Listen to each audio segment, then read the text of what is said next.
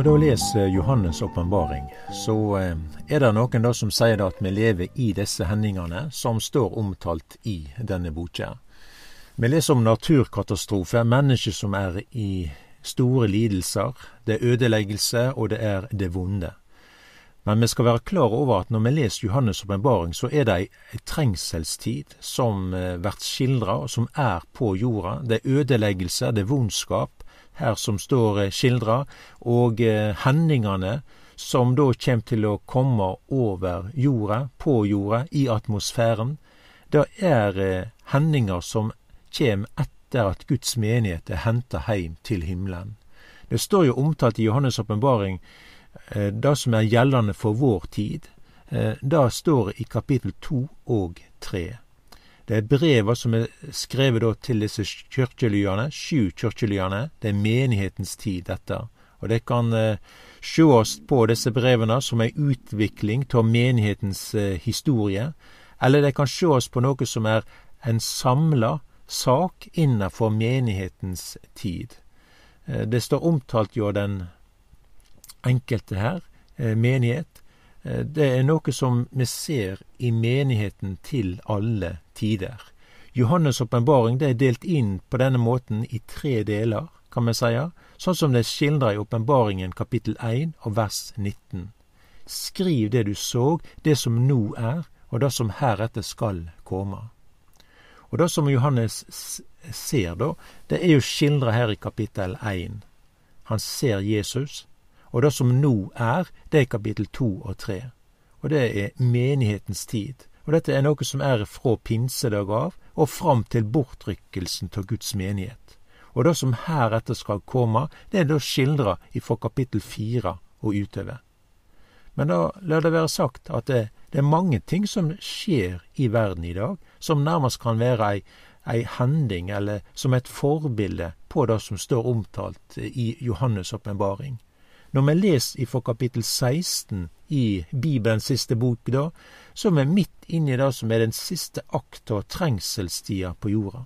Her er det Guds vredeskåle som er tømt ut over jorda, og det rammer mennesket, naturen, og hele atmosfæren er i ubalanse med det som skjer. Og i mange høve så kan jo dette her se ut som at det er atombomber som er skildra. Det er de samme trekk og omtale La meg bare nevne at den 16. juli 1945 så ble jo ørkensanden i New Mexico opplyst av et veldig lys som var mykje klarere enn tusen soler til sammen, og det var som ei grønn sol som steig til værs, og de som så på dette lyset her, vart blenda. Ei veldig røyksøyle steig til værs, og den var så brei som en kilometer, Røyksøla den skifta både farge, og den vart både rød og oransje. Mennesket som var i nærheten, opplevde en veldig varme, og det var en sterk eh, lyd. Det var som et eh, drønn. Og med da så var atomalderen innleda. Og vi går fram til den 6. august 1945. Da går bombeflyet en eh, B-29 på vingene. Om bord i dette flyet er de atombommene som ble sluppet over den japanske byen Hiroshima. Klokka 8.15 og etter 43 sekunder seinere så var denne byen borte. Eksplosjonen skapte ei eldkule på 198 meter i diameter i løpet av en tredjedels sekund. Det var store krefter som var i sving, og det skildrer da at temperaturen kom opp i 2760 grader, og eh, området rundt omkring det vart lagt i aske. Mennesket som var en tre kilometer borte de eh, ifra sentrum av det som bomma traff, de vart drept.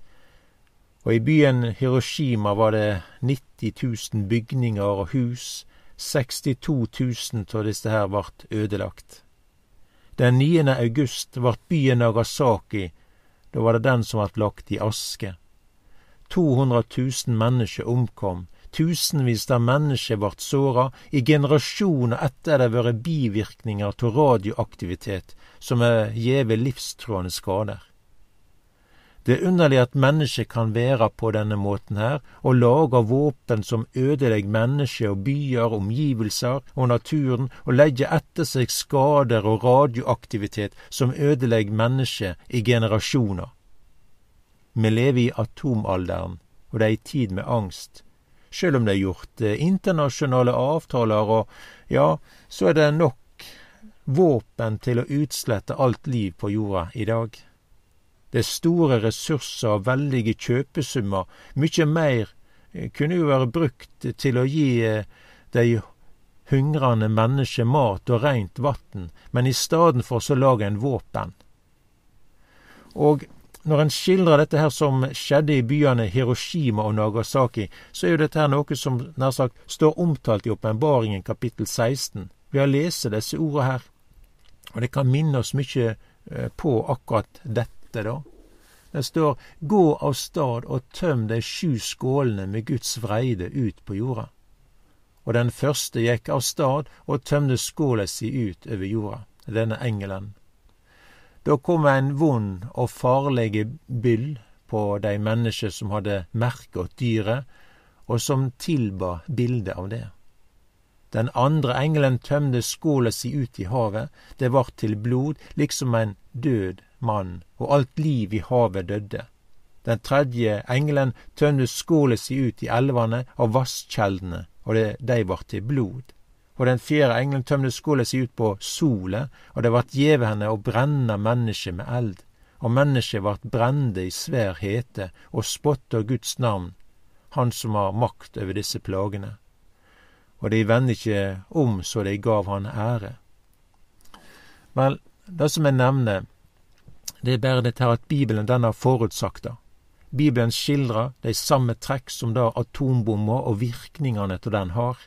Menneskene fikk byller på kroppen, det var en stor varme. Her er det menneskelige lidinger av radioaktivitet i vann og elver. Vannet ble ureint, det er mangel på rent vann. Og når vi da leser om skildringene av atombomma i 1945, så er det òg som å lese Åpenbaringen kapittel åtte. Da er det basunene som det har vært blåst i, og ikke vredeskålene, som det da er omtalt i kapittel 16. La meg bare nevne der i åpenbaringen 8 vers 7.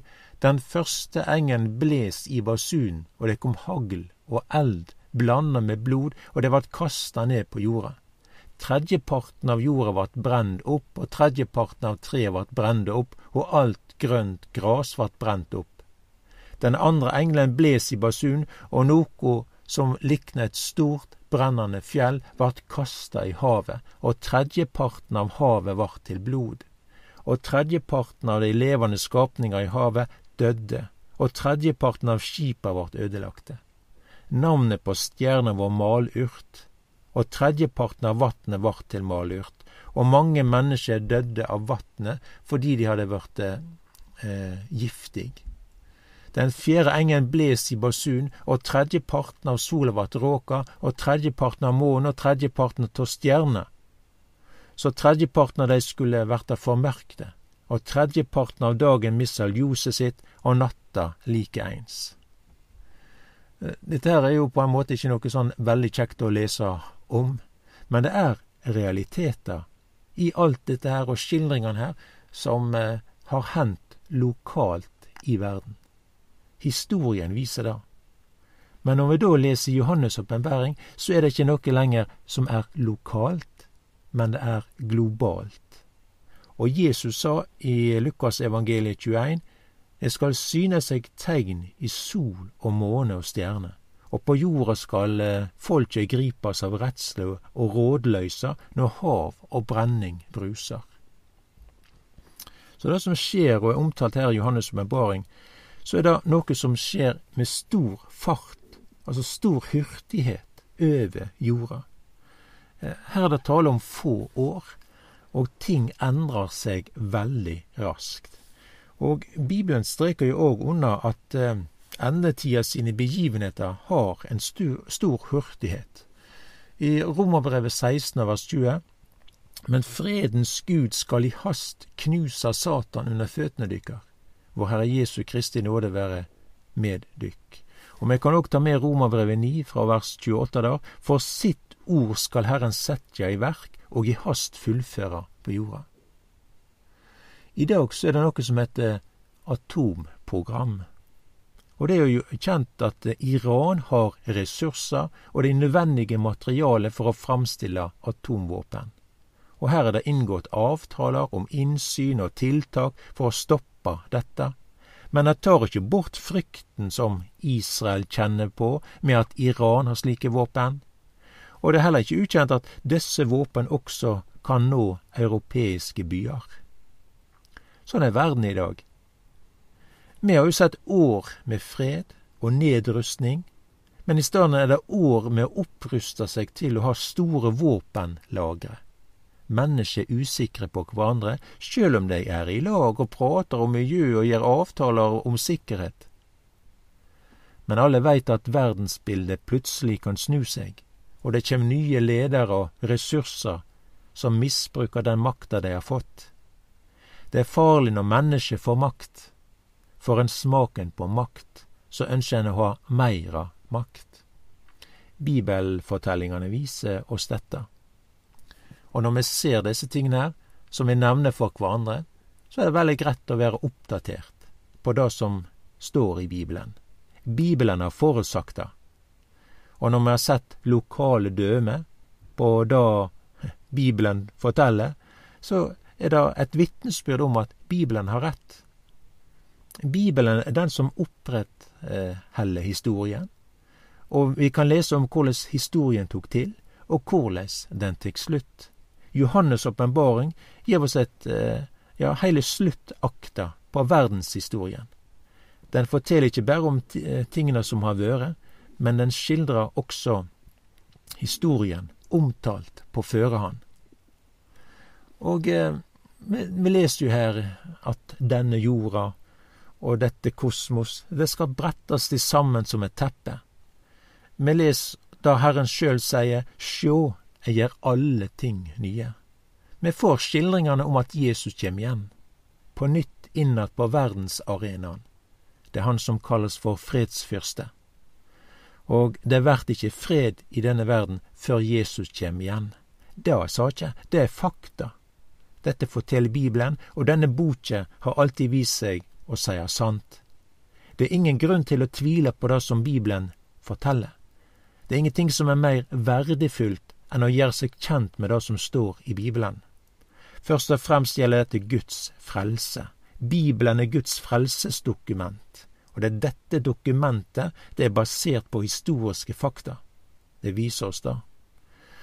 Og eh, det er jo ikke noe ennå nær sagt som er, er, ferdig. Altså, Bibelen skiller ikke bare Jesus som mannen med hyrdestaven, men det er også han med kongestaven. Jesus ikke bare den som kjem på det saktmodige esel, et dyr som er kjent for å tjene, et dyr som er kjent for å bære byrder. Men Jesu gjenkomst, så kjem han på den hvite hesten. At hesten er hvit, det er uttrykk for at det er et kongelig æren hesten kjem med, og at det er en konge som rir på denne hesten. Og det er omtalt her i åpenbaringen 19. Det står jo i vers 11. Og jeg så himmelen åpna, og sjå en hvit hest, og han som sit på den heter trufast og sangferdig, og han dømmer og strider med rettferd. På kledene sine og på hofta si har han et navn skrevet, konge over konger, herre over herrer. Dette her er hendinger som kjem til å skje. Jesus kjem ikkje da for synda si skyld. Han kjem ikkje på nytt og går veien til Golgata og skal døy. Men Jesus han er den rettmessige arving til Davids truna i Jerusalem. Jesus er Davids sønn. Jesus er verdens frelser. Jesus er Israels frelser og utløser. Han er deres Messias. Jesus er skaperverkets utløser. Jesus er menighetens brudgom. Bortrykkelsen av menigheten er ei hending som kan skje hva tid som helst. Bibelen forteller dette her. Bibelen dokumenterer dette, og lar ikke tolkninger og oppfatninger og hva det måtte være, ta bort det alvoret og den gleda i denne sanninga at Jesus kjem snart igjen.